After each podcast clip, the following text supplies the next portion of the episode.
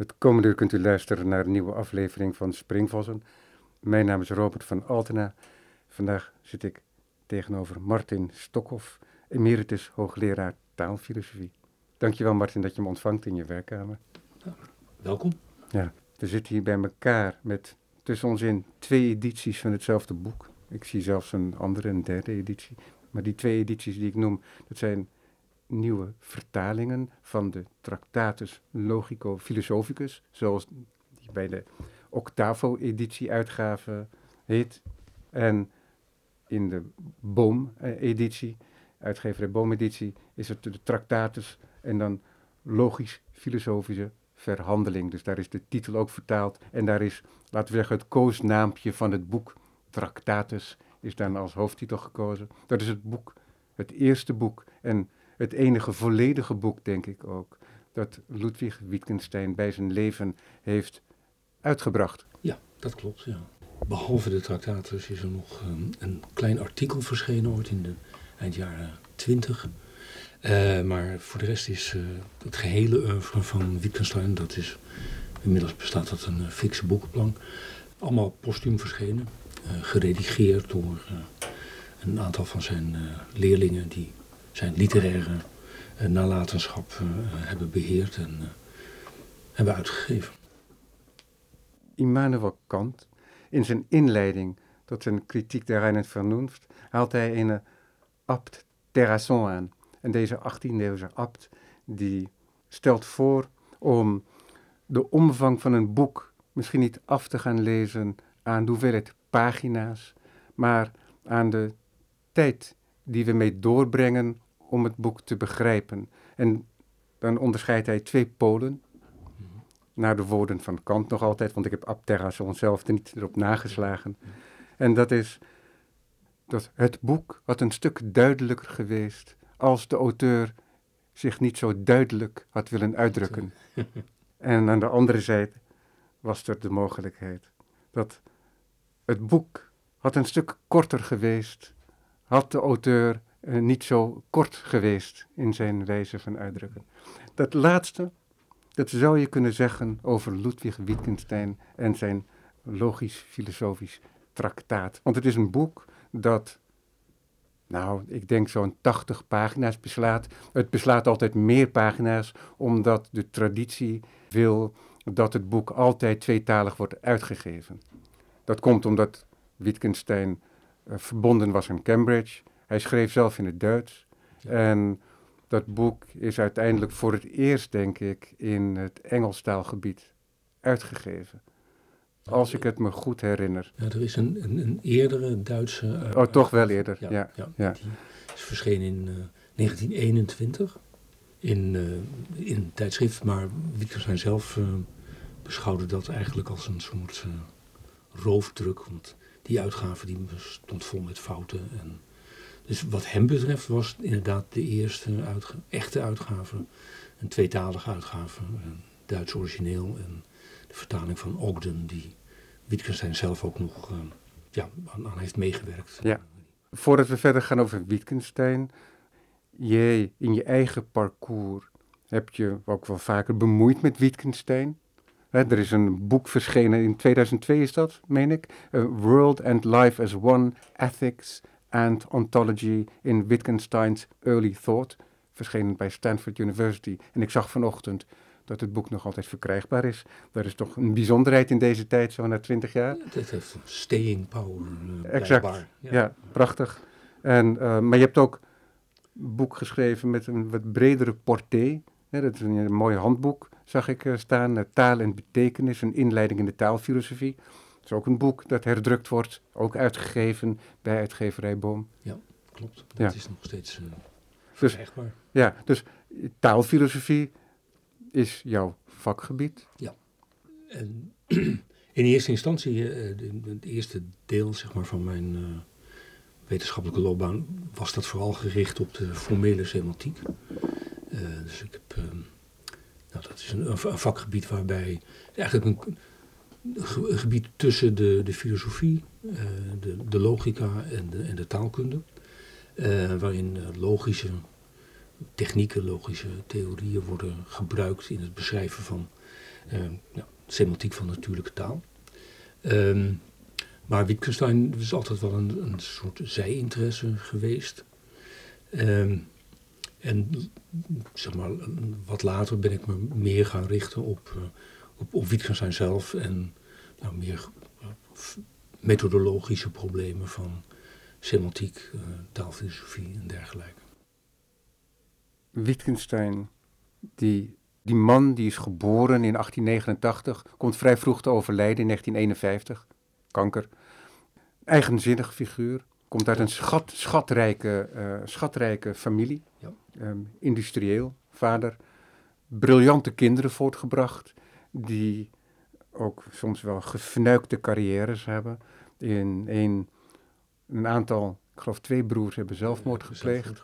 Um, die toch enige briljantheid tentoonspreiden in de muziek. In ieder geval een van die twee broers. Een andere die ja, Paul, werd, Paul, dat en is Paul die werd, eh, werd ehm, pianist, Ja. verloor zijn arm, Ja. werd eenarmig pianist. Ravel heeft nog een stuk voor de man geschreven. Ja, klopt. Ja. Ja. En er werden in het paleis van deze familie eh, werden ook de grote muzici en eh, denkers en dichters ontvangen. Dus het was ook echt een, een cultureel huis. Ja, zijn, zijn, zijn vader is ook, het was echt een eh, mecenas. Zijn vader was meer geïnteresseerd in, in beeldende kunst. Volgens mij heeft hij ook de, het Secessionsgebouw eh, gefinancierd. Ja, klopt. Ja. En dan komen we weer bij Klimt terecht en dergelijke. Ja, ja. En eh, muziek was meer eh, de, de interesse van zijn moeder. Eh, die nodigde inderdaad mensen als Brahms en dergelijke uit om, eh, ja, voor huisconcerten eh, in, het, eh, in, ja, in, hun, eh, in hun huis in Wenen. Ja. Ligt daar misschien ook die, het idee, als, als je Wittgenstein eh, over zichzelf, hij vindt zich niet, zelf niet echt creatief. En hij zegt, ja, het enige waar ik goed in ben, dat is in het bedenken van similes, hè, van vergelijkingen. Ja, ik denk dat altijd een beetje lastig, want aan de ene kant was Wittgenstein, eh, ja, heeft hij dan wel eens opgeschreven van eh, dat hij niet creatief was en alleen maar kon herhalen en vergelijkingen trekken.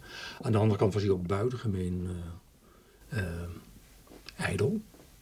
Eh, kon hij het absoluut niet uitstaan als andere mensen, zeg maar, namens hem zouden spreken of zouden proberen aan anderen te vertellen wat Wittgenstein over een bepaald onderwerp dacht. Er zijn twee ja, behoorlijke clashes uit voortgekomen. Er was R.D. Brathwaite die op een gegeven moment een stuk eh, publiceerde eh, waarin hij ja, gangbare opvattingen, op, op dat moment gangbare opvattingen over taal en betekenis eh, uiteenzette. En onder andere ook verwees naar Wittgenstein, wiens opvattingen hij kende omdat hij colleges bij hem volgde.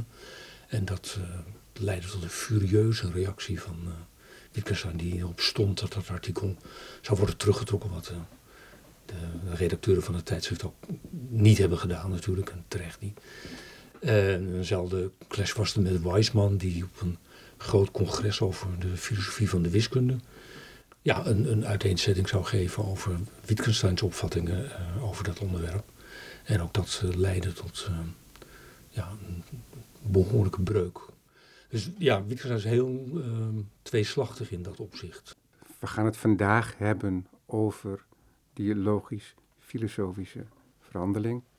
Maar dat boek, eh, hoe dat tot stand komt, dat is wel een, bijzonder verhaal. Daar moeten we niet het hele uur mee gaan doorbrengen natuurlijk. Maar een belangrijk deel van het boek, dat bedenkt hij en schrijft hij terwijl hij in dienst is Ja. van eh, de keizer. Ja. In, de, in de dubbelmonarchie. Want hij heeft zich ingeschreven als vrijwilliger Ja. om te vechten voor volk en vaderland. Ja, dat, is dat zou je eh, m- misschien niet verwachten. Eh, het is zeker iets wat eh, uitzonderlijk is, omdat het helemaal niet nodig was. Ik zijn vader was een belangrijke financier van eh, de oorlogsinspanningen. Maar ik denk dat het volstrekt duidelijk is dat hij, als hij niet had gewild, dat hij zeker niet had gehoeven. Eh, en als hij dan per se wilde, dat zei zijn zus ook op een gegeven moment tegen hem van... Nou, dan neem je toch een leuk baantje ergens op een ministerie. En, eh, met een mooi uniform. En, ja. Dan doe je ook je, je plicht. Maar Wittgenstein stond erop om nou, als gewoon soldaat dienst te nemen. En dat was, dat was heel moeilijk. Dat was uh, Wittgenstein's manier van omgaan met andere mensen leidde wel vaker tot ja, misverstanden. ja, er was een hoop sociaal ongemak wat deze man omgaf. Ja, absoluut. Ja. En dat werd erin op een kanoneerboot op de, de Vistula niet, niet beter op. Maar goed, hij heeft ook verder was een soort vuurleider aan het Russische front in het oosten. Ja, bij een, bij een offensief dat tot een van de dodelijkste woorden heb ik begrepen van die hele oorlog. Ja. ja. Maar goed, Wittgenstein dus, die met een omweg eigenlijk bij filosofie terechtkomt, want hij deed iets van werktuigbouwkunde. En zoekt contact met Frege, omdat hij toch geïnteresseerd raakt. En Frege, dat is een man die zich bezighoudt met eigenlijk het zoeken van een formuleren um, van een logische taal. Zeg ik dat zo goed? Ik probeer het een beetje algemeen te verwoorden. Ja, de, ietsje specifieker. Zoals Frege is een van de grondleggers van uh, wat dan heet het logicisme. En dat is een poging om heel fundamentele wiskunde, met name de, de rekenkunde en misschien ook delen van de meetkunde, ehm, te grondvesten in logica. Dus eigenlijk te herleiden tot logische principes. En om dat programma te kunnen uitvoeren had Frege een, een logische, formele logische taal nodig, die er op dat moment eigenlijk nog niet was. Uh, die rijk genoeg was om uh, die wiskundige begrippen en uh, relaties in uit te drukken. En Wittgenstein raakte geïnteresseerd in die grondslagenproblematiek van de wiskunde. En nou, wist dus dat, dat, dat, Frege op dat moment daar een, toonaangevende figuur was. Dus hij meldde zich bij Freek om bij hem logica te gaan volgen. Eh, maar toeval wil dat, of toeval, maar het geval wil dat uh, in Freekes laatste grote werk op dat gebied, de Grundgesetze der Arithmetik, uh, Bertrand Russell een, uh, een, een ja, fout, een, een, tegenspraak had ontdekt. Ja, die had eigenlijk een lek in het schip ontdekt, zou je kunnen zeggen. En Freek heeft nog geprobeerd dat te repareren. Dat heet ook de Russell-paradox ook, hè, geloof ik tegenwoordig. Ja, ja. ja, dus Frege zei tegen Wittgenstein van, nou nee, ga maar naar Russell. Ja, dan, want dat is dan, ik had het er van de week met een kunstenaar over, dat kunstenaar die met ook een soort logische opbouw een soort taal ontwikkelt, mm. met correspondenties naar andere gebieden. En zij zei tegen me, ja, ik ben, je bent er toch altijd bang voor dat als je het werk eenmaal af hebt, dat je het presenteert en dat er een wijsneus op staat die zegt zo van, oh, maar dat heb je over het hoofd gezien. Ja, en dus dat tragische feit, dat heeft, zou je kunnen zeggen, Frege, deze Frege, een briljante man, uh, getroffen. Ja, ja. ja, dat was echt zijn, zijn, zijn levenswerk. Hij had er zeker een dikke uh, eh, 25 jaar al aan gewerkt. En ehm, dat was een, een, een, eigenlijk een, een, een doodklap voor, uh, voor die onderneming. Russell heeft, die, die heeft een oplossing voor die paradox uh, verzonnen. Uh, en heeft dat programma ook verder voortgezet. Dus de ja. Principia Mathematica, ja. die schreef met, uh, met Whitehead. Het kriebelt nu om ernaar te vragen om uit te leggen wat het precies is, maar dat gaat veel veel tijd in beslag nemen. Ja, maar het is wel interessant. Misschien is het een leuk onderwerp voor een ander gesprek als je dat leuk vindt. Ja, zeker. Ja? zeker de Principia Mathematica van Bertrand Russell en uh, Alfred Norton Whitehead. Ja. En dit, dat, dat werk was eigenlijk net voltooid en verschenen.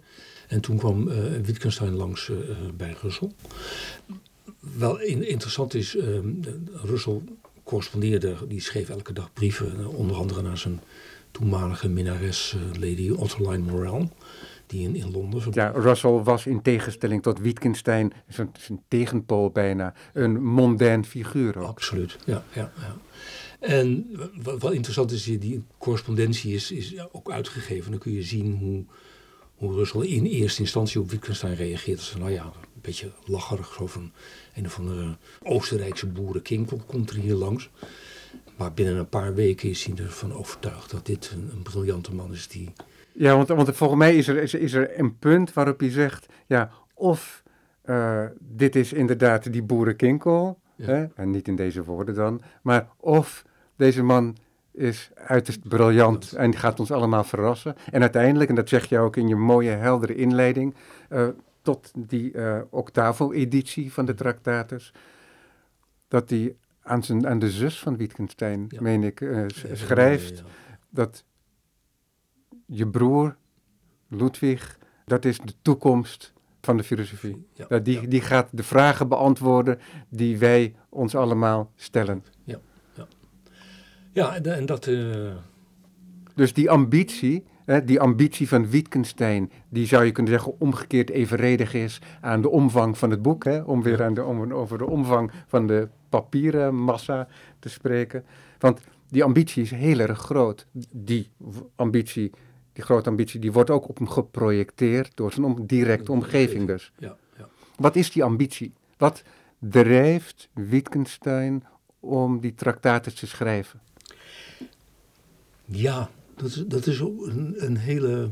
Is er één grond in het boek of is dat niet zo helder?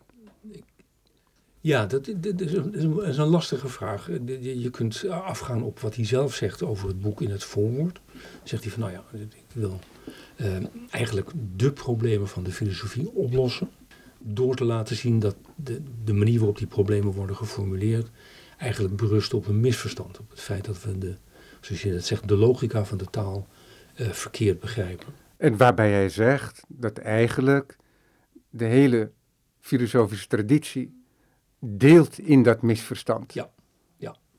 Dus dat is, dat is, dat is inderdaad een, nogal een ambitie. Tegelijkertijd zegt hij ook aan het einde van het voorwoord, dat, eh, dat de, de waarde van het werk er onder andere in bestaat, dat het laat zien hoe weinig er nou eigenlijk gedaan is als je dat, eh, die- al die problemen van de filosofie eh, hebt opgelost door te laten zien dat ze berusten op een misverstand. Ja, precies. Dus in, in, laten we zeggen, aan het begin van de zin, hè, als je die inleiding als een zin ziet, zegt hij: Ik ben de reuzendoder. Ja. En ik vaag die hele geschiedenis van de filosofie weg, want dit is een nieuw begin. Ja. Hè, Een soort tabula rasa Ja. zou je het kunnen zien. En aan het einde zegt hij dan weer bijna heel timide. En dan zegt hij: Ja, maar uiteindelijk stelt dat allemaal niet zoveel voor. En dat wat de sleutel tot, tot eh, het begrijpen van die, die laatste uitspraak, die is in, eigenlijk in de, in de trakta, in de tekst zelf niet heel erg expliciet geformuleerd. Eh, maar we hebben bijvoorbeeld eh, een, brief die hij geschreven aan Ludwig van Fieke, ehm, die toen overwoog om, om de traktatus te publiceren. Dat is niet doorgegaan. Maar Wittgenstein die schreef een brief aan hem en zei hij van, nou ja, eh, de, de pointe van het boek ligt in het ethische. Zijn ethische pointe. Ehm, en het beroemde eh, eh, uitspraak waarin hij zegt, eh, eigenlijk staat, be- bestaat de Tractatus uit twee delen. Het deel wat, wat is opgeschreven, dus de tekst die we hebben. En alles wat ik niet heb geschreven. En, en dat laatste gedeelte, dat is het belangrijke. En dat is een rechtstreekse verwijzing naar de beroemde slotzin eh, van de Tractatus, de laatste stelling, stelling 7.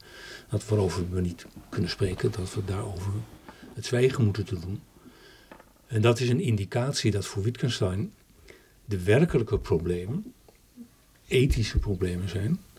En dat die ethische problemen en onze omgang daarmee zich buiten het bereik van de filosofie afspeelt. Ja, en dat is heel interessant natuurlijk, want we hadden het net over logica en over wiskunde. En nu ligt er opeens het woord ethiek op tafel. Dat heeft te maken met ook met waar het boek vandaan komt. En dat boek dat komt uit die traditie, nog jonge traditie zou je kunnen zeggen, van Frege, Russell, Norton Whitehead. Maar we hebben ook nog Wittgenstein zelf. Wittgenstein zelf die is lang beschouwd als een Cambridge-filosoof, Ja. omdat hij daar nu eenmaal ehm, zijn torenkamertje bewoonde en daar ook zijn leerlingen in kleine getalen ontving. Ja.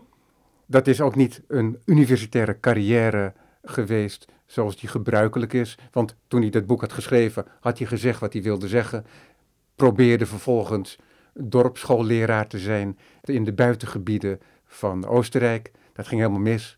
Had uh, losse handjes ten opzichte van leerlingen die hem niet begrepen en dergelijke. Uh, werd bijna met pek en veren het dorp uitgejaagd ook. En dat was misschien maar beter ook. En ik denk voor beide, voor, beide, voor alle partijen, voor alle partijen inderdaad. En hij komt toch weer terug, omdat hij terugkomt ook op dat absolute punt dat hij dacht alles gezegd te hebben. Dat heeft te maken met eigen inzichten, maar ook met het ontvangst van het boek. Uh, maar voordat we daarover gaan spreken, Wittgenstein die leest in die loopgraven ook Tolstoy. Ja. En het Kleine Evangelie heet het boek in het Nederlands volgens mij. Ja. Uh, je, volgens mij noem je dat ook in je inleiding. Ja. En dat is een religieus boek. Ja, Wittgenstein en dat, dat is ook heel duidelijk uit de, de dagboeken die hij, uh, of de, de, aantekeningenboeken die hij bijhoudt, zijn niet echt dagboeken, maar aantekeningenboeken. Um, het, zit er allebei in. Uh, er is een, anekdote die, die Russell er, er, ergens vermeldt. Dat hij, die zit op zijn kamers in, in Trinity en Wittgenstein komt s'avonds bij hem op bezoek. En nou, ze praten wat en op een gegeven moment zit Russell weer te schrijven. Ongetwijfeld weer een brief aan uh, Lady Otterline. En Wittgenstein die loopt maar heen en weer, loopt maar heen en weer, zegt niks. En uh, op vraagt van uh, Wittgenstein, waar denk je nou over na? Over logica of over je zonde? Waarop Wittgenstein zegt, allebei. En vervolgens weer doorgaat met, met, heen, met de ijsberen.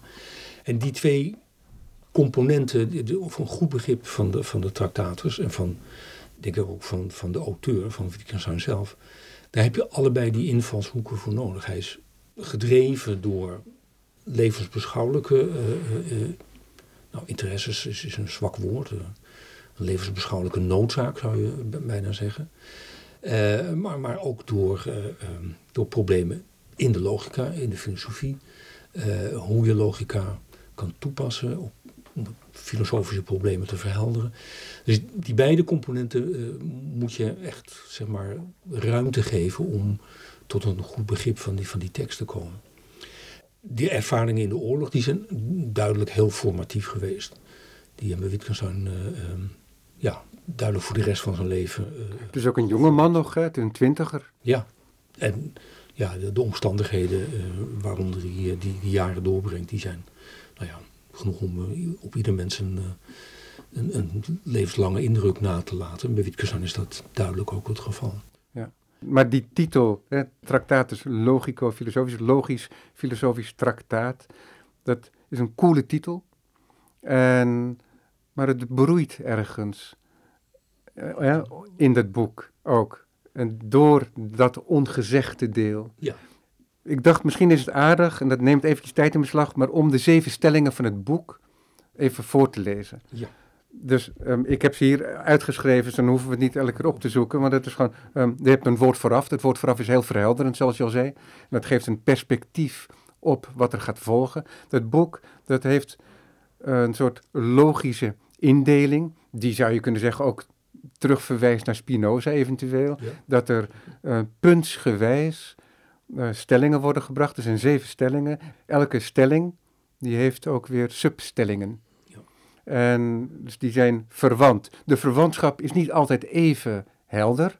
Nee. Dus dan lijken wel eens wat stapjes overgeslagen te zijn. Maar goed, wie kort wil zijn, kan ook te kort zijn, zou je kunnen zeggen. Maar goed, daar gaan we. Stelling 1. De wereld is alles wat het geval is. Stelling 2. Wat het geval is, een feit, is het bestaan van standen van zaken. 3. Een logisch beeld van feiten is een gedachte. 4.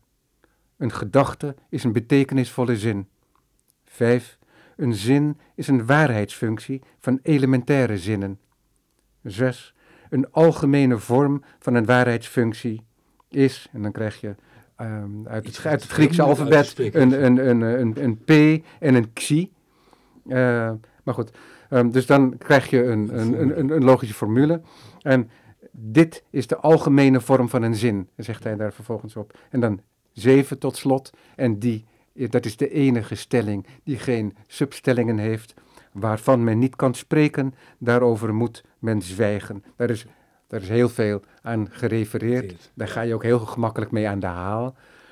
Ja, Ehm, dat, dat laat zich op talloze manieren Ja. gebruiken. Ja, dus behalve stelling 6, waarin je zo'n formule hebt, eh, is het allemaal in klinkklare alledaagse taal. Maar toch krijg je geen vaste eh, grond onder de voeten. Ja.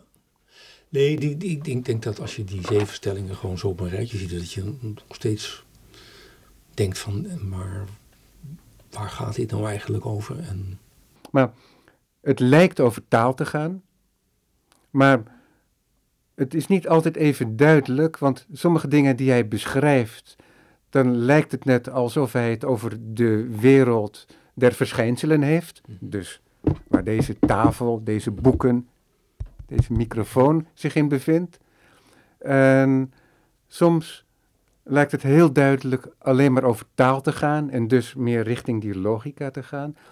Maar dan zijn er ook eh, passages, stellingen, substellingen, waarin hij die wereld der verschijnselen oproept, eigenlijk alleen maar als vergelijking.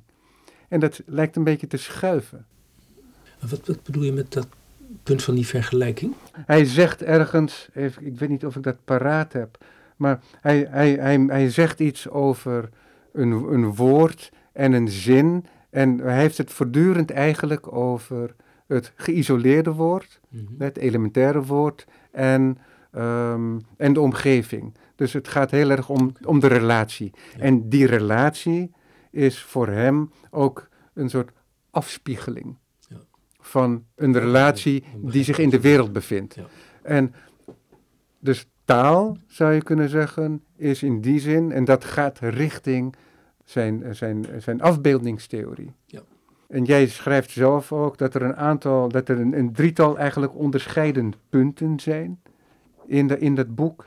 En, ehm, en wat onderscheid je dan? Ehm, dat het een taaltheorie is, Ja.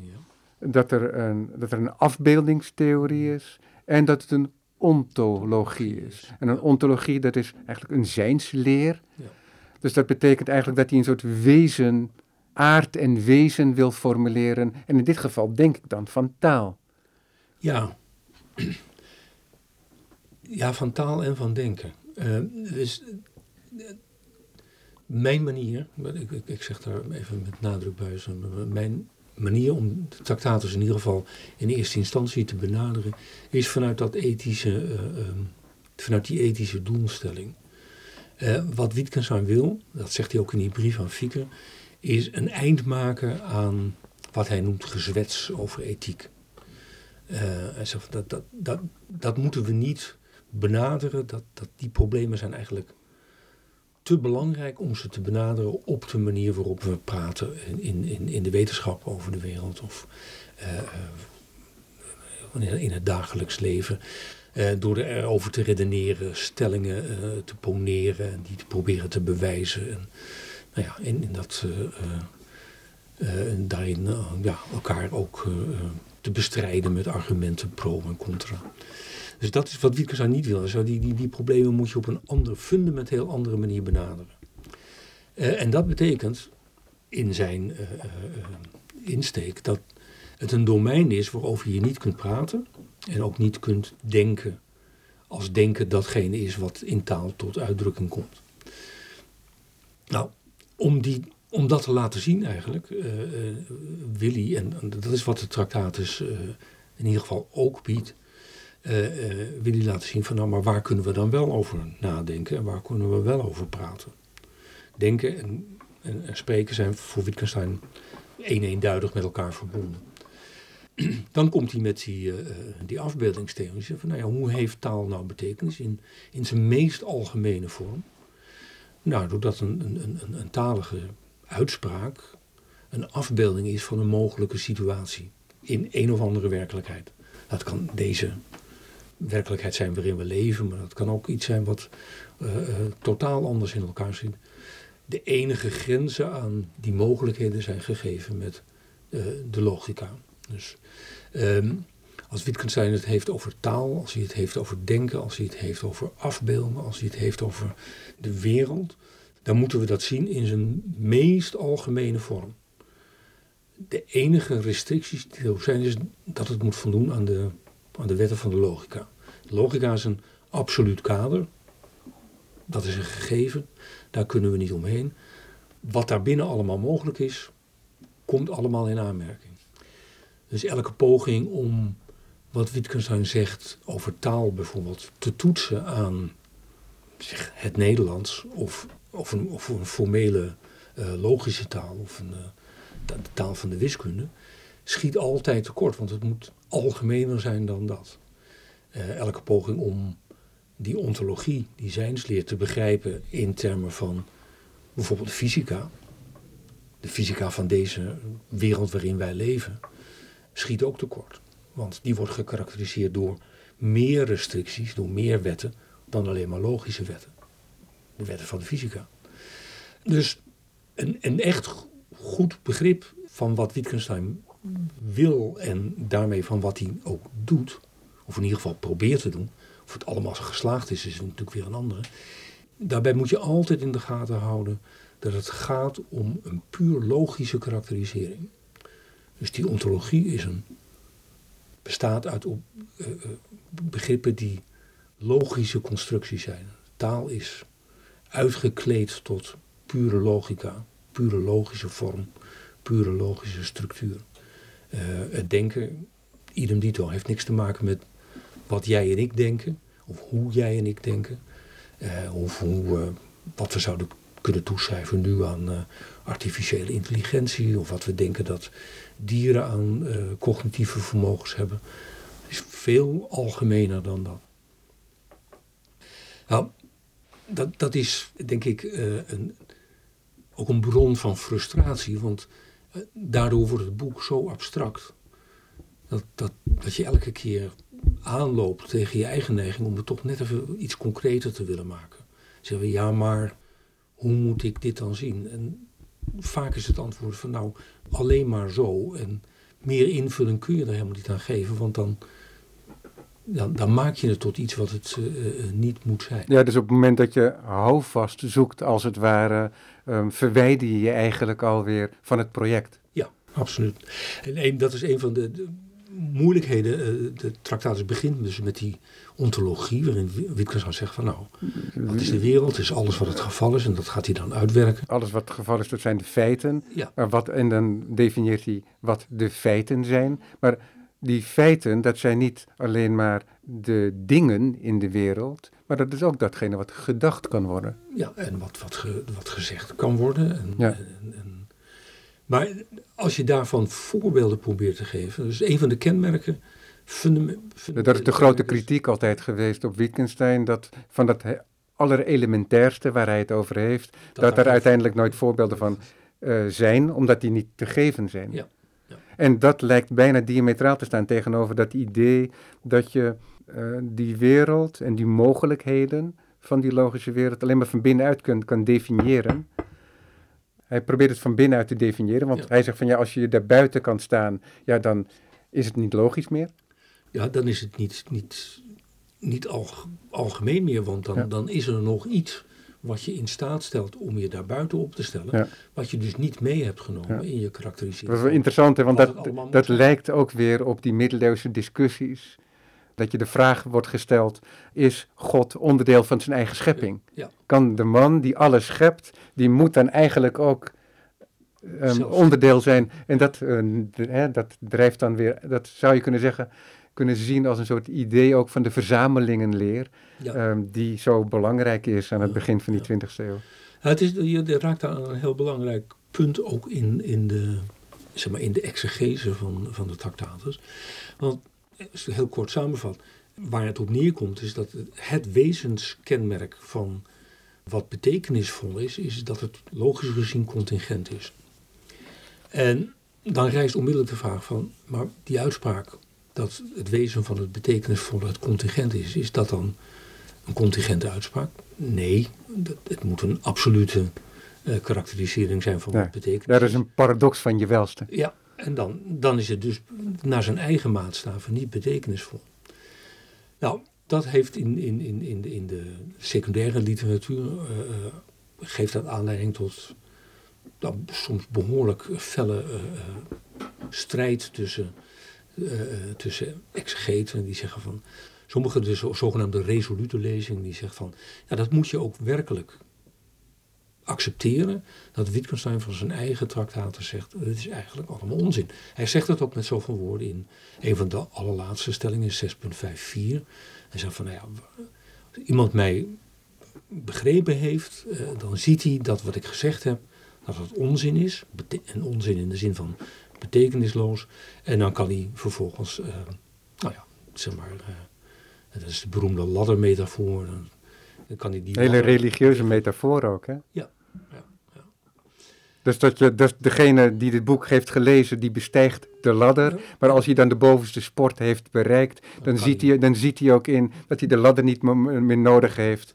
En dan gooit hij hem weg en dan, ja, dan, dan, dus dan, zweef je als het ware in die logische ruimte. Ja. Het traktaat is als een, als een hulpmiddel tot het bereiken van het juiste inzicht. Maar dat, zou, uh, dat, dat is zeker een, een aspect wat aan die tekst uh, verbonden is. Aan de andere kant is het zo dat er in de tekst zelf worden er allerlei vaak heel ingenieuze, innovatieve, soms ook aantoonbaar onjuiste dingen gezegd over logica, over de rol, de verhouding tussen logica en wiskunde en dergelijke. Dus ja, ja ook al neem je 6.54 uh, uh, serieus. Er blijft in ieder geval voor heel veel commentatoren genoeg inhoud over om uh, zich verder mee bezig te houden. En, en dat is denk ik misschien wel het belangrijkste, ook voor Wittgenstein zelf. Want hij is natuurlijk, nadat hij weer terugkeerde tot de filosofie, is hij lange tijd bezig geweest met ja, wat, wat ging er nou precies fout in dat systeem van de tractatus. Nou, als het de enige functie ervan was als het ware een soort de, de, het tapijt onder je, onder je voeten vandaan uh, uh, trekken en zeggen van haha, het was allemaal onzin. Ja, een vrege moment. Ja. Een vrege Russell moment. Ja, ja. Dan, ja dan, dan had hij zich die vragen dus helemaal niet hoeven stellen. Dus uh, ik denk dat ook Wittgenstein misschien, en dat is altijd het gevaar van exegese, dat je denkt dat de auteur één eenduidige intentie heeft met een werk. Nou, dat blijkt in de praktijk behoorlijk mee te vallen. Gelukkig uh, weten auteurs vaak zelf ook niet, de makers zelf ook niet precies wat ze nou bedoelden. En is de waarde van een werk ook niet uh, beperkt tot, ja, zeg maar, wat de, de auteur, wat de maker bedoelde. Ja, precies. Dus laat je ook niet verwarren door die logische opzet met al die genummerde stellingen. Want dat bedekt ook een lading die veel ambivalenter is. Ja, uh, dat zou ik zeggen. Ja. Nee, dat, nou, dat zeg je ook in zoveel woorden hier en ook in de inleiding. Ja. ja. Nou, dat, ik denk dat het ook aanstaat bij, bij wat jij uh, uh, aan het begin zei over, over Kant. Ja, de, voor mij geldt dat, dat de echte fundamentele, de grote werken in de filosofie, en niet alleen in de filosofie, maar daar heb ik, laat ik me daartoe beperken, dat die ehm, dat die zich niet laten vastpinnen op één specifieke interpretatie. Dat je eenduidig kunt zeggen van nou, dat is de waarde ervan, dat is de bijdrage aan de ontwikkeling van uh, een bepaalde manier van denken, een bepaald filosofisch discours. Nee, dat zijn werken die door verschillende uh, uh, lezers, verschillende tijdstippen, komend uit verschillende tradities, steeds weer opnieuw gelezen kunnen worden en daarin een bepaalde uh, rol kunnen spelen. Ja, ja, want wat interessant is, is dat in het, met name in het naoorlogse, in de taalfilosofie, dat punt heel erg wordt benadrukt. Hè, dat een tekst uh, zijn eigen auteur als het ware is, omdat die altijd aansluit op een netwerk van teksten. Ja.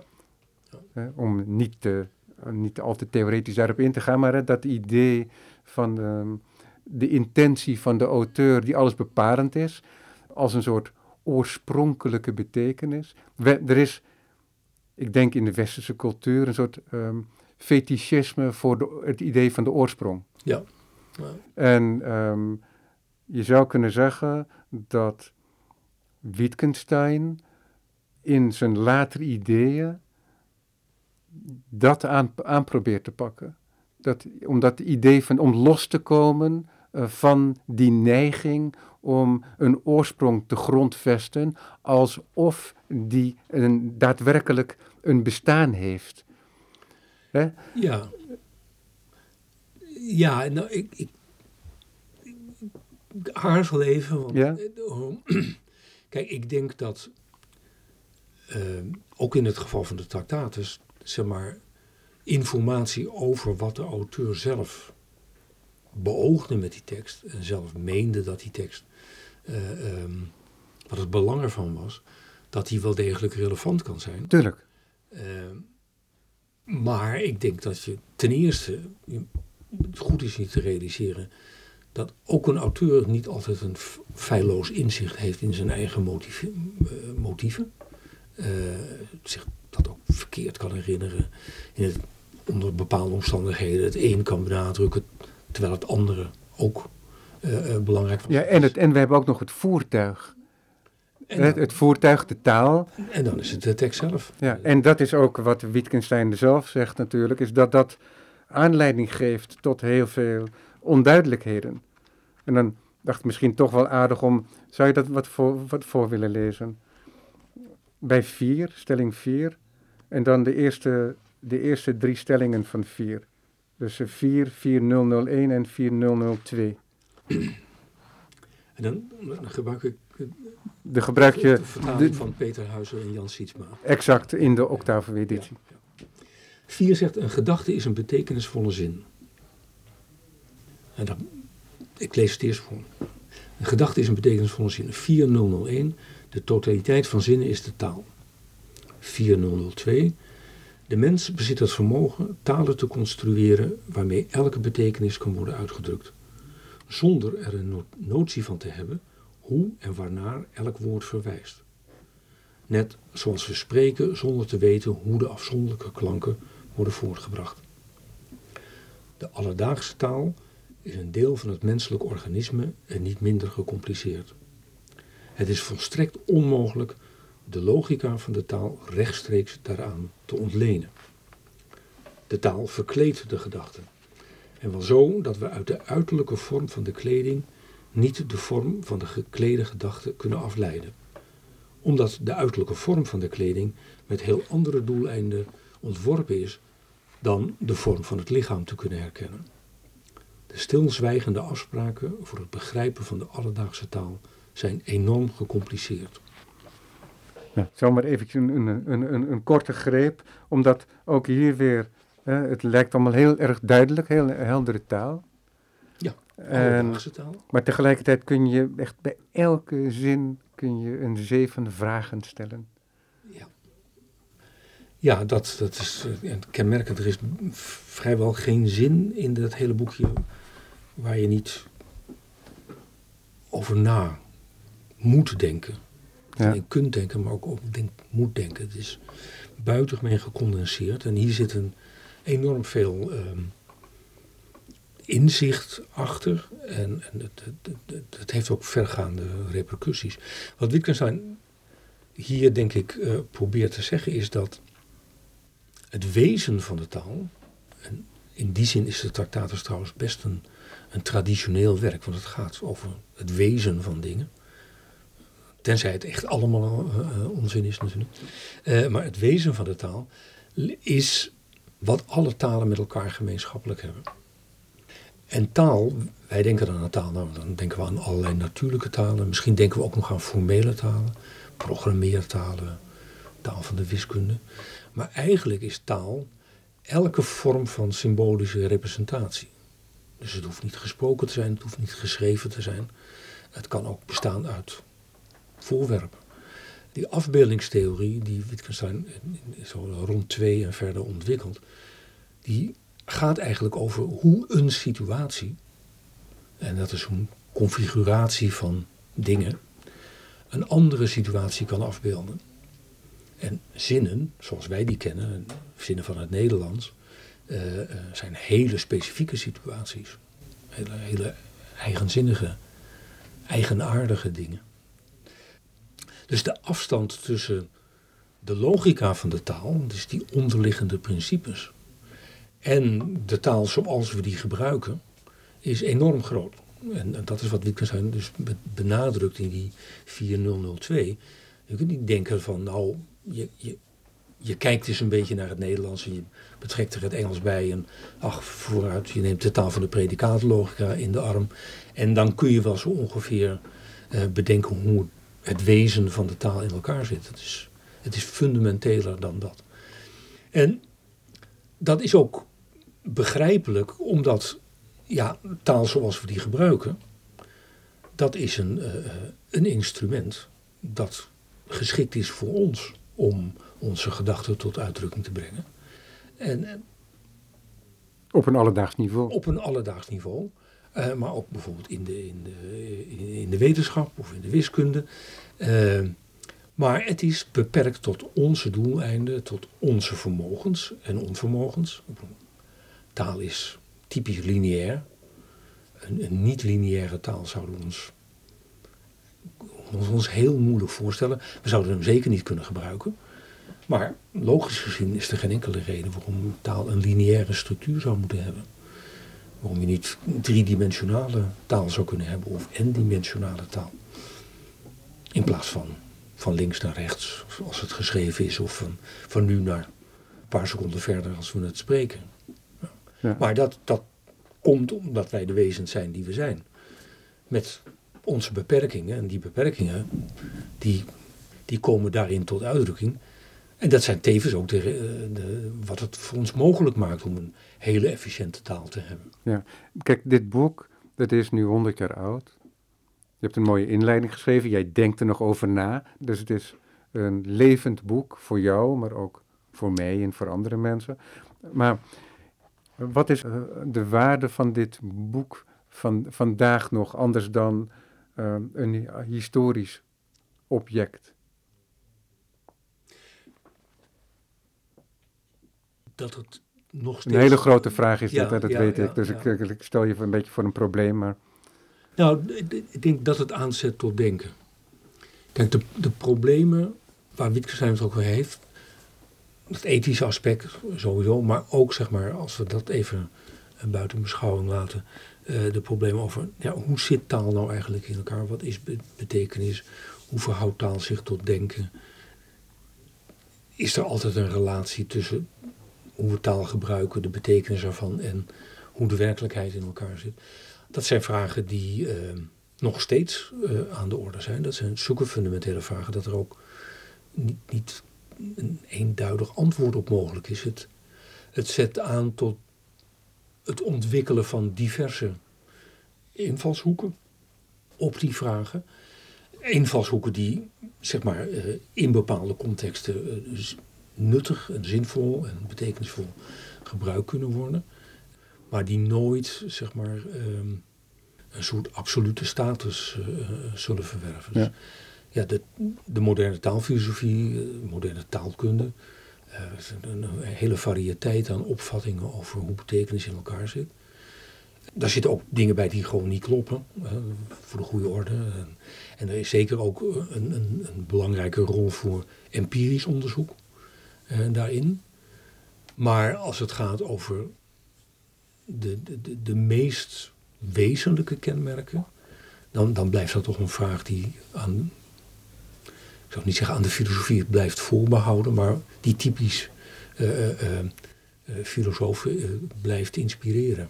Ja. want ik stel die vraag ook, um, niet alleen omdat het boek 100 jaar is en nu eindelijk in twee nieuwe vertalingen te lezen is, want die gelijk uit zijn gekomen, ja. maar want we kenden tot dusver eigenlijk alleen de vertaling in het Nederlands van Willem Frederik Hermans. Die dateert volgens mij uit 1970.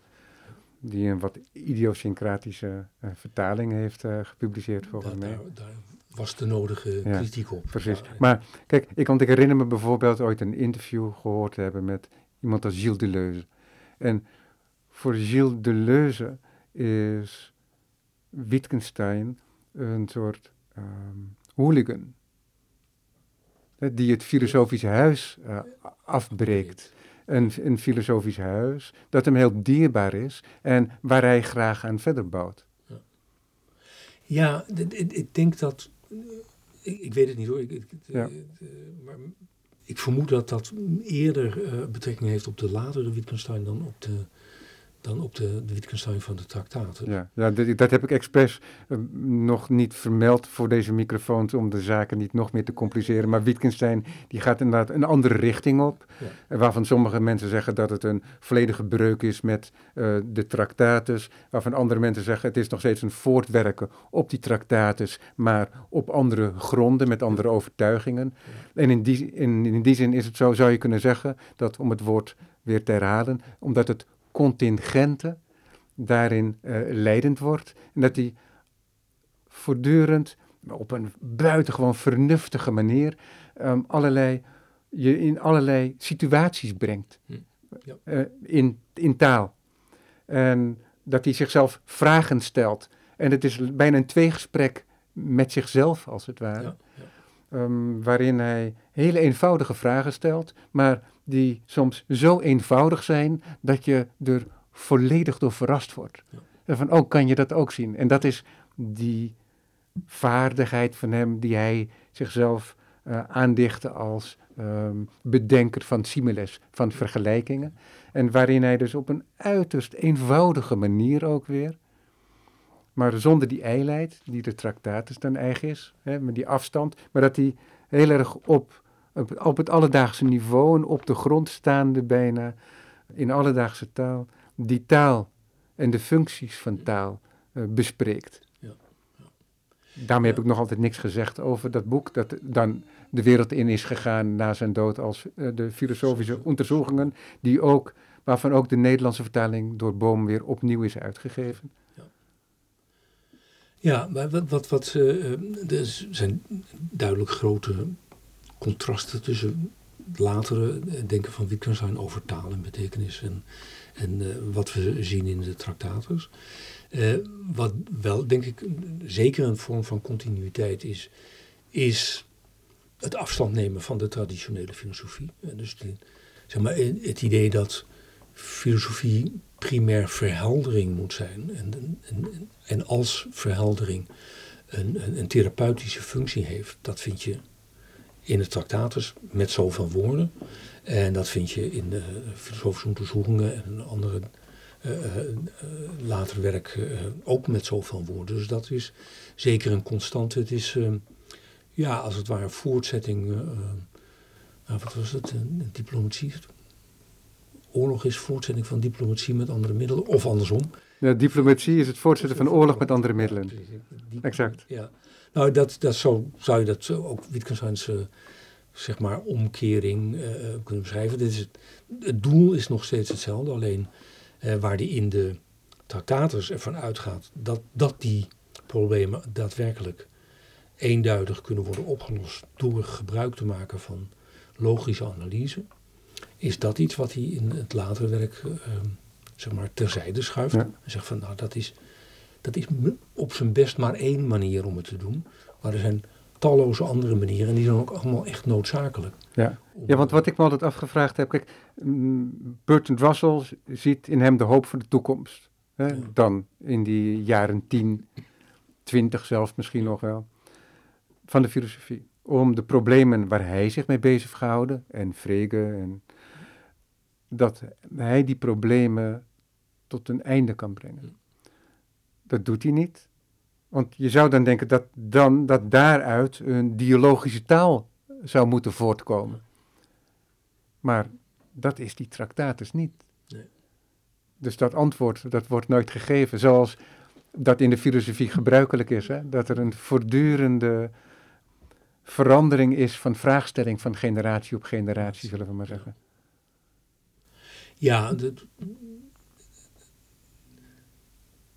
Maar dat is, dat is wel een proces dat, dat niet zeg maar willekeurig verloopt. Want het is niet een kwestie zo van, nou ja, ach, uh, smaken verschillen en uh, het, het, het, het, ene is in de mode en op een gegeven moment raakt het uit de mode en dan komt er iets anders in de mode. Nee, zo bedoel ik dat niet. Ja, nee, dat begrijp ik. Maar er is, er is natuurlijk interne coherentie uh, in, um, in die filosofische ontwikkeling.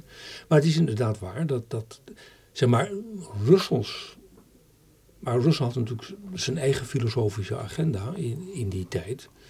En, en in dat perspectief had hij de hoop dat Wittgenstein bepaalde problemen zou oplossen. Ik denk Ja, en eigenlijk zijn werk zou kunnen voltooien. Hè? Dan, Ja. Dat was het ook. Ja. Er was ook een eigen belang eh, dat daar sprak. Ja, en, en, en Wittgenstein had duidelijk een, een andere agenda. Ja. En ja, dat is, dat is ook tamelijk. Dat, dat, dat, Russell en Wittgenstein wat dat betreft niet op één lijn zaten, dat is, dat is tamelijk evident. Eh, Russell heeft een voorwoord geschreven voor de eerste uitgave. Dat was zelfs volgens mij de voorwaarde voor de uitgever om het boek uit te geven. Ja, ja. Eh, ehm, nou, niet, niet, niet geheel tot tevredenheid van Wittgenstein zelf. Nee, Rus- eh, Wittgenstein was daar helemaal niet gelukkig mee. Hij was zelfs van mening dat, Wittgenstein, dat Russell niet in staat was om zijn boek te begrijpen. Het is, eh, het is ook weer een anekdote. Eh, op een gegeven moment, nadat eh, Wittgenstein is teruggekeerd in Cambridge, moet hij promoveren, want anders kon hij geen fellow blijven. En nou, nou, hij promoveert dan op de tractatus. Dat, kun je je tegenwoordig niet meer voorstellen dat iemand op zo'n boekje zou kunnen promoveren, maar goed. En de, commissie bestaat uit, uit Moore en, en, Russell. En nou, die hebben dan een gesprek met hem en besluiten dan om eh, hem dat de doctoraat te verlenen. En, nou, anekdote is dat eh, Wittgenstein na afloop van, die, van dat gesprek naar eh ehm, Russell toe gaat en zegt van... Ja, het blijkt wel, eh, je hebt er helemaal niks van begrepen, maar dat is ook niet erg. dus ja, ja, wat voor Russell pleit is dat hij Wittgenstein altijd is blijven steunen. Ja. Ondanks het feit dat hij dus door Wittgenstein behoorlijk, eh, nou ja, bepaald niet vriendelijk werd bejegend. Ja. Eh, Martin Stokhoff, dankjewel voor dit gesprek. En we kunnen toch echt wel zeggen dat met dit interview inderdaad eh, het grote antwoord niet is gegeven op wat die Nee. tractatus dan is. En eh, daar kunnen Maar- we ook tevreden over zijn.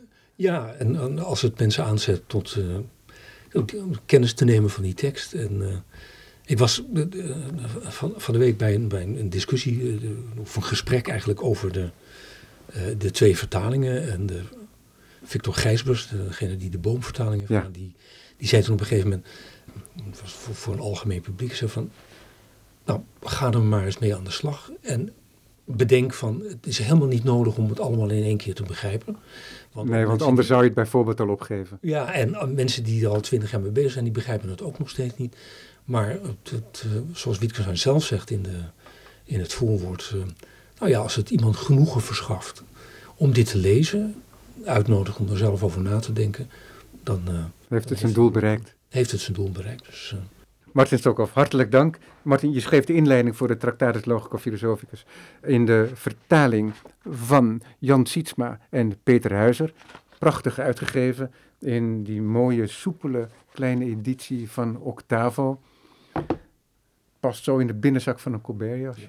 En dan hebben we nog de Tractatus, eh, de logisch-filosofische verhandeling in de vertaling van Victor Gijspers, die je al even noemde, bij, Victor, bij, bij Boom. En ik noemde al eventjes dat de ehm, de filosofische onderzoekingen, de eh, onderzoekingen ook weer eh, opnieuw zijn uitgebracht. En een boekje dat Bert Keizer, arts en literator, in de jaren negentig denk ik schreef, dat is ook weer opnieuw uitgebracht. Ja. En dat is een, ook een heel mooi helder boekje, wat heel erg geschikt is ook voor eh, niet-filosofen om een idee te krijgen. En mensen die ook wat over het leven, meer over het leven willen weten van Wittgenstein, dan is er de prachtige biografie van Ray Monk, Ja. die ook al in 1990 uitkwam, maar nog altijd in editie is. Ja. ja Martin Stokhoff, hartelijk dank. graag gedaan.